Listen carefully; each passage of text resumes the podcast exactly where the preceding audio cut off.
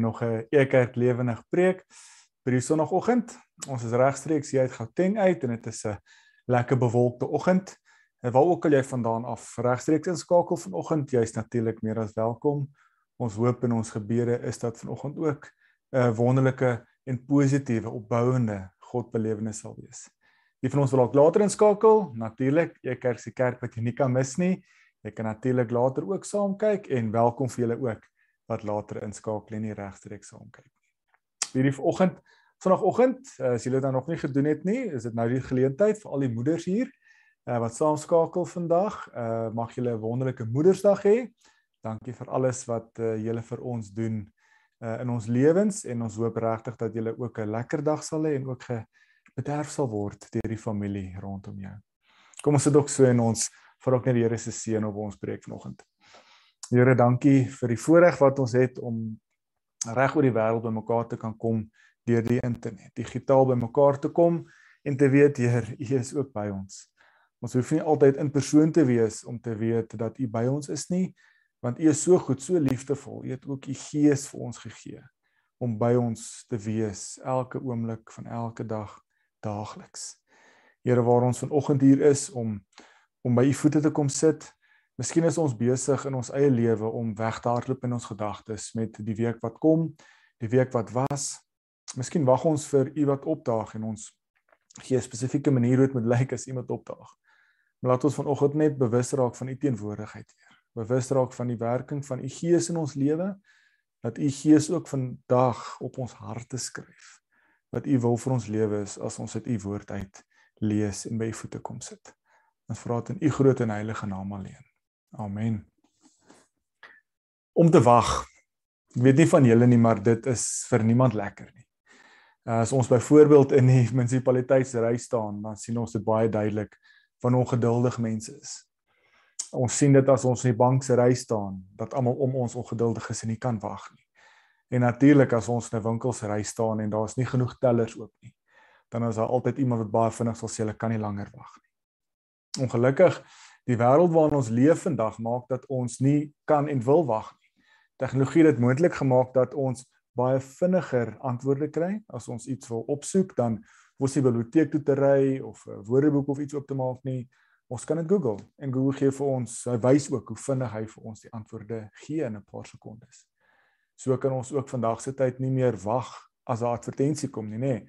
Ons kyk na programme wat nie advertensies in het nie. En dan begin ons nie eers praat van die volgende episode wat dadelik begin speel nie. Dan kyk ons sommer die hele dag een reeks van 'n TV-program. Nou wat ek probeer sê met dit is ongelukkig is ons as mense en ek self ongeduldig. Ons wil nie wag nie. Dit is nie lekker om te wag nie. Ek moet sê my eie lewe as ek iets moet gaan doen en ek weet ek kan wag, dan moet ek myself geestelik en ook fisies voorberei. Ek moet iets myself mee besig hou anders raak ek ook ongeduldig. Dit is ongelukkig in ons geloofslewe ook ingekryp. Dat ons nie meer wil wag, kan wag op die Here nie. Hierdie tyd waarin ons nou sit in die kerk, ja, dis vir my ek noem dit altyd die seisoen van wag. Ons het 'n paar weke terug na die uh, kruisdood, die dood van ons verlosser gevier op Paasfees, Goeie Vrydag. En natuurlik die die opstanding en die dood En nou is ons in hierdie tydperk tussen die opstanding en ons kyk vorentoe en ons sien uit na God se hemel, Christus se hemelvaart, op vaar hemel toe. En waar God ook sy gees vir ons stuur om by ons te wees, sy ewige teenwoordigheid. So ons is in hierdie tydperk van wag. Ons moet wag op die Here, ons moet wag vir die werking van die Gees. En dan raak ons ook ongeduldig. En so, miskien is dit jy vandag waar jy ook sit, is jy ongeduldig, jy wag al vir die Here. Waarvoor wag jy? En miskien is jy ongeduldig want die Here daag nie op soos wat jy verwag nie. Die Here reageer nie, antwoord nie soos en wanneer hy wil nie. Vandag gaan ons 'n gedeelte lees uit Johannes 21 waar die opgestane Here ons help hoe ons kan leef in hierdie tydperk seisoen van wag. Wag op die Here. En ek wil dit graag lees vir ons uit die vertaling wat Stefan en Prof Jan gedoen het. Johannes 21 gaan ek vir ons lees. En indien jy 'n Bybel het, kan jy natuurlik saam lees. Anders lees ek vir ons voor Johannes 21 vanaf vers 1. Hierna het Jesus weer by die see van Tiberius aan sy disippels verskyn. Dit het so gebeur. Van sy disippels wat by die see bymekaar gekom het, was Simon Petrus, Thomas wat ook Didymus genoem is, Nathanael wat van Kana in Galilea afkom, asook die seun van Zebedeus met nog twee ander. Simon Petrus sê toe vir hulle: "Ek gaan visvang." Waarop die ander sê: "Ons gaan ook saam met jou." Hulle is met die skei weg, maar het daardie nag niks gevang nie. Teen dagbreek het Jesus reeds by die oewer gestaan. Sy disippels het egter nie besef dat dit Jesus was nie. Jesus roep toe: "My liewe mense, julle het seker nie enige vis gevang om te eet nie, of het julle?" "Nee," roep hulle terug. Herhaal hulle toe aan: "Gooi die net aan die regterkant van die skei uit, dan daar sal julle vis kry." Hulle gooi die net toe daar uit. Hulle het so baie vis in die net gevang dat hulle nie die net in die skei kon kry nie. Daardie disipel van wie Jesus so baie gehou het, sê toe vir Petrus: "Dit is die Here." Toe Simon Petrus hoor dat dit die Here is, hy sy mantel om hom gegooi want sy bolyf was kaal. Hy spring toe in die see. Die res van die disippels het met die skei nader aan die oewer gevaar want hulle was nie ver van die land af nie, omtrent 100 tree. Hulle het met die net vol vis nader gevaar. Toe hulle land, sien hulle 'n koolvuurtjie gereed met vis op en met brood daarbey. Jesus sê vir hulle: "Bring van die vis wat julle nou net gevang het." Simon Petrus is na die skei toe en het die net vol visse op die oewer uitgetrek. Daar was 153 groot visse. Al was daar so baie vis het die nette tog nie geskeur nie. Jesus sê toe vir hulle: "Kom, ontbyt is reg." Nie een van sy disippels het die moed gehad om hom te vra: "Wie is u nie?" Hulle het immers besef dat dit die Here was.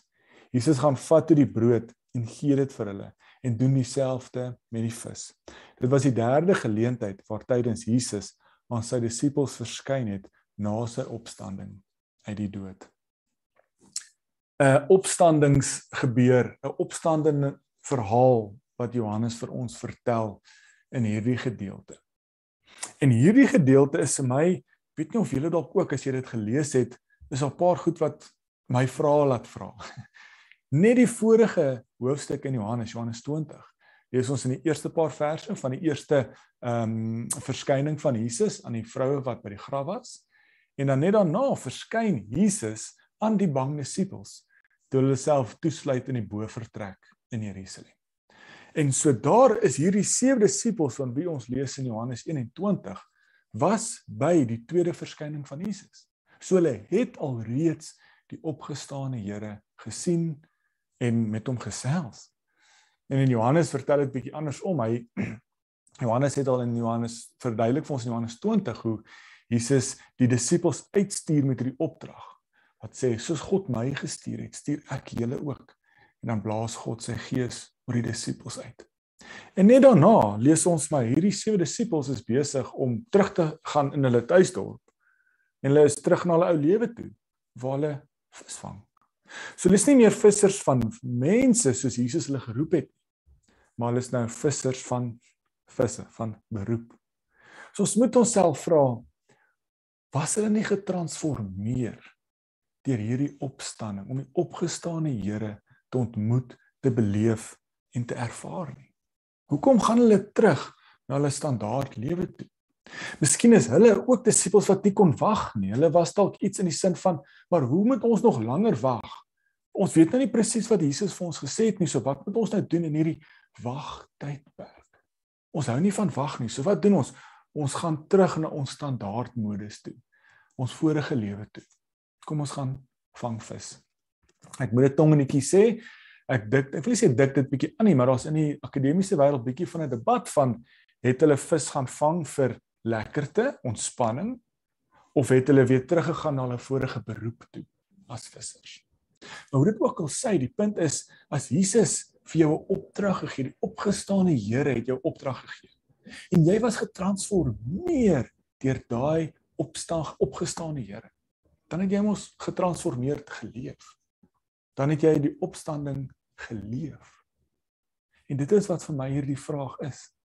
En ek steel hierdie of ek leen eerder hierdie hierdie konsep by Eugene Peterson. Hy het 'n boek geskryf Living the Resurrection. Wat presies hierdie vir ons vra van hoe lyk dit as jy die opstanding leef elke dag daar waar jy is. En ek wil daai vraag vra deur te begin deur te vra in Johannes 21. Hoe help die opgestane Here hierdie sewe disippels en vir my en jou vandag om te sê hoe kan ons bewus raak van die opgestane Here in ons lewe sodat ons getransformeer kan word sodat ons die opstanding kan leef. Ons wil nie soos Petrus in Lukas 24 verbaas wees as ons die opgestane Here sien, maar gaan ons terug huis toe nie. Ek het so 'n paar weke terug daaroor gepraat. Maar as ons getransformeer word deur hierdie opgestane Here, as ons hom ontmoet en raak ons harte, ons siele aan, dan kan ons nie anders as om dit te leef nie. Nou as ons op die die hakke loop van Jesus in hierdie verhaal, dan sien ons vyf merkers as ek dit so kan stel. Eerstens sien ons dat hierdie ervaring, hierdie oomblik waar hulle waar hulle die opgestane Here ontmoet, is deur ontbyt saam te eet. Jesus maak vir hulle ontbyt gereed.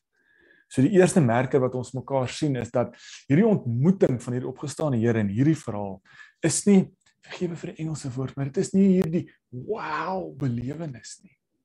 Dit is iets alledaags soos ontbyt saam eet met die Here.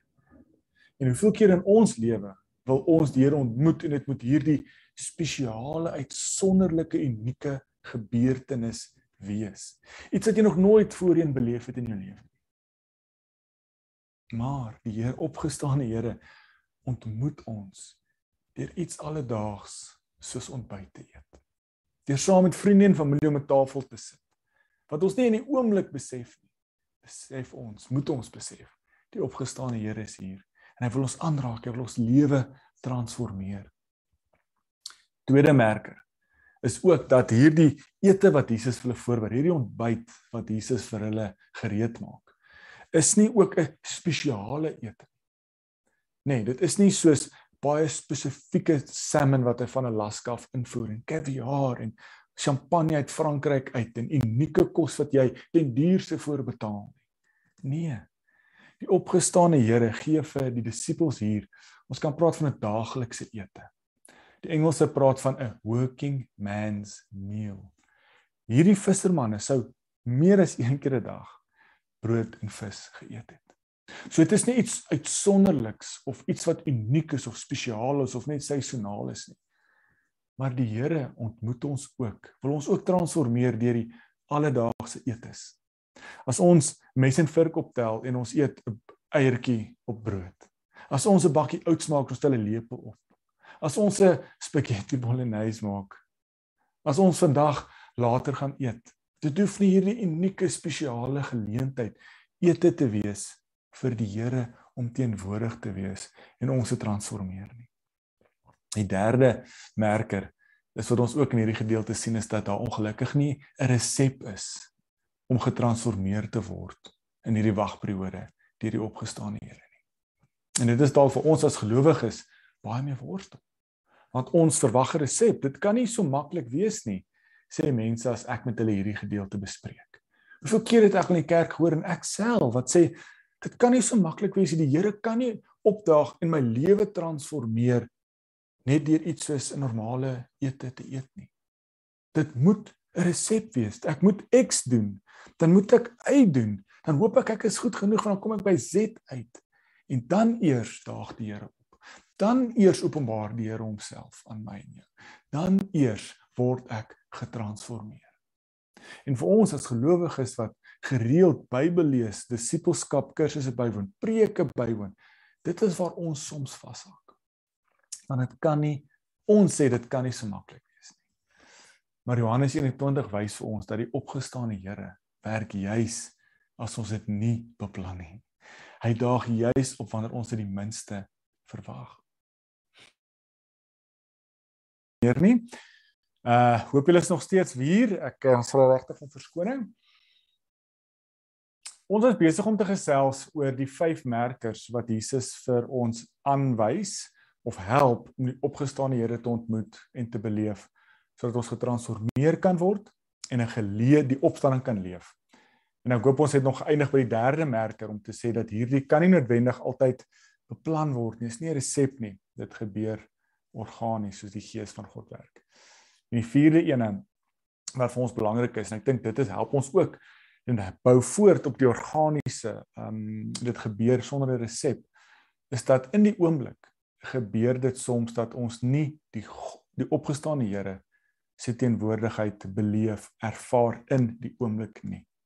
Maar dit is self slegs as ons na die tyd terugkyk en reflekteer dat ons besef, "Ag, oh, die Here was saam met ons teenwoordig in hierdie ete by hierdie geleentheid."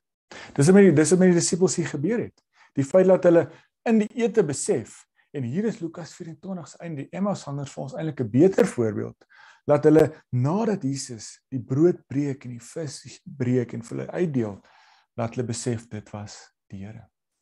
So ons moet gereeld geleenthede inbou in ons lewe om terug te kyk, te reflekteer en te vra waar het ons die opgestaane Here beleef en ervaar.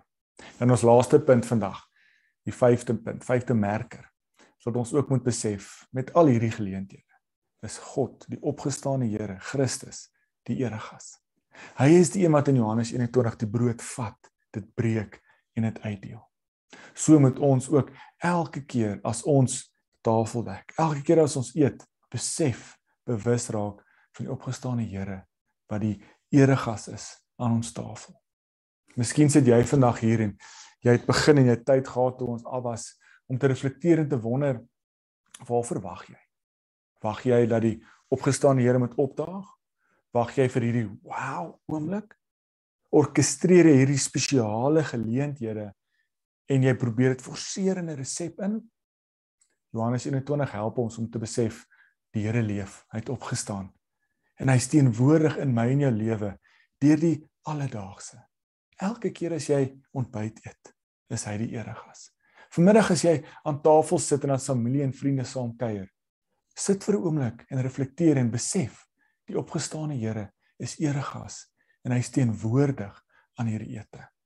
Mag ons so in hierdie tydperk van wag voor Pinkster bewus raak van die teenwoordigheid van die opgestane Here deur sy gees in ons lewens in die alledaagse in die elke dag sodat ek en jy ook kan getransformeer word deur hierdie teenwoordigheid van Christus maar dat ek en jy ook dit kan gaan leef dat ons volgende week die week daarna die res van die jaar as Pinkster verby is nog steeds Christus 'n tafel, 'n spasie gee, 'n stoel dek, 'n plek dek aan hierdie tafel, want hy is die eregas.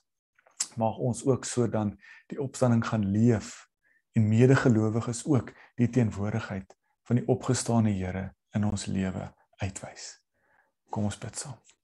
Here, dankie vir die voorreg wat ons het om U naam te loof en te prys en ook so U woord te leer. Dankie dat ons U woord kan lees en kan deel maak van ons lewe. Here, miskien sit ons hier vandag en ons wag vir 'n wow oomblik. Ons wil u teenwoordigheid, die die manier hoe u ingryp in ons lewe orkestreer deur 'n resep te gee. En ons wil dit eintlik op 'n manier vir u sê, manipuleer deur hoe u moet opdaag. Help ons om in die alledaagse u seën, u genade, u liefde te ervaar. Help ons dat ons in elke eenvoudige ete, elke eenvoudige gesprek wat ons met vriende en familie het, weet dat U as die opgestane Here is by ons. Help sodat ons die opstanding kan gaan leef deur 'n getransformeerde lewe vir wat U vir ons aan die kruis gedoen het. Amen. Baie baie dankie dat jy ingeskakel het. Ons waardeer die feit. Ons hoop uh, ja, dankie ook dat jy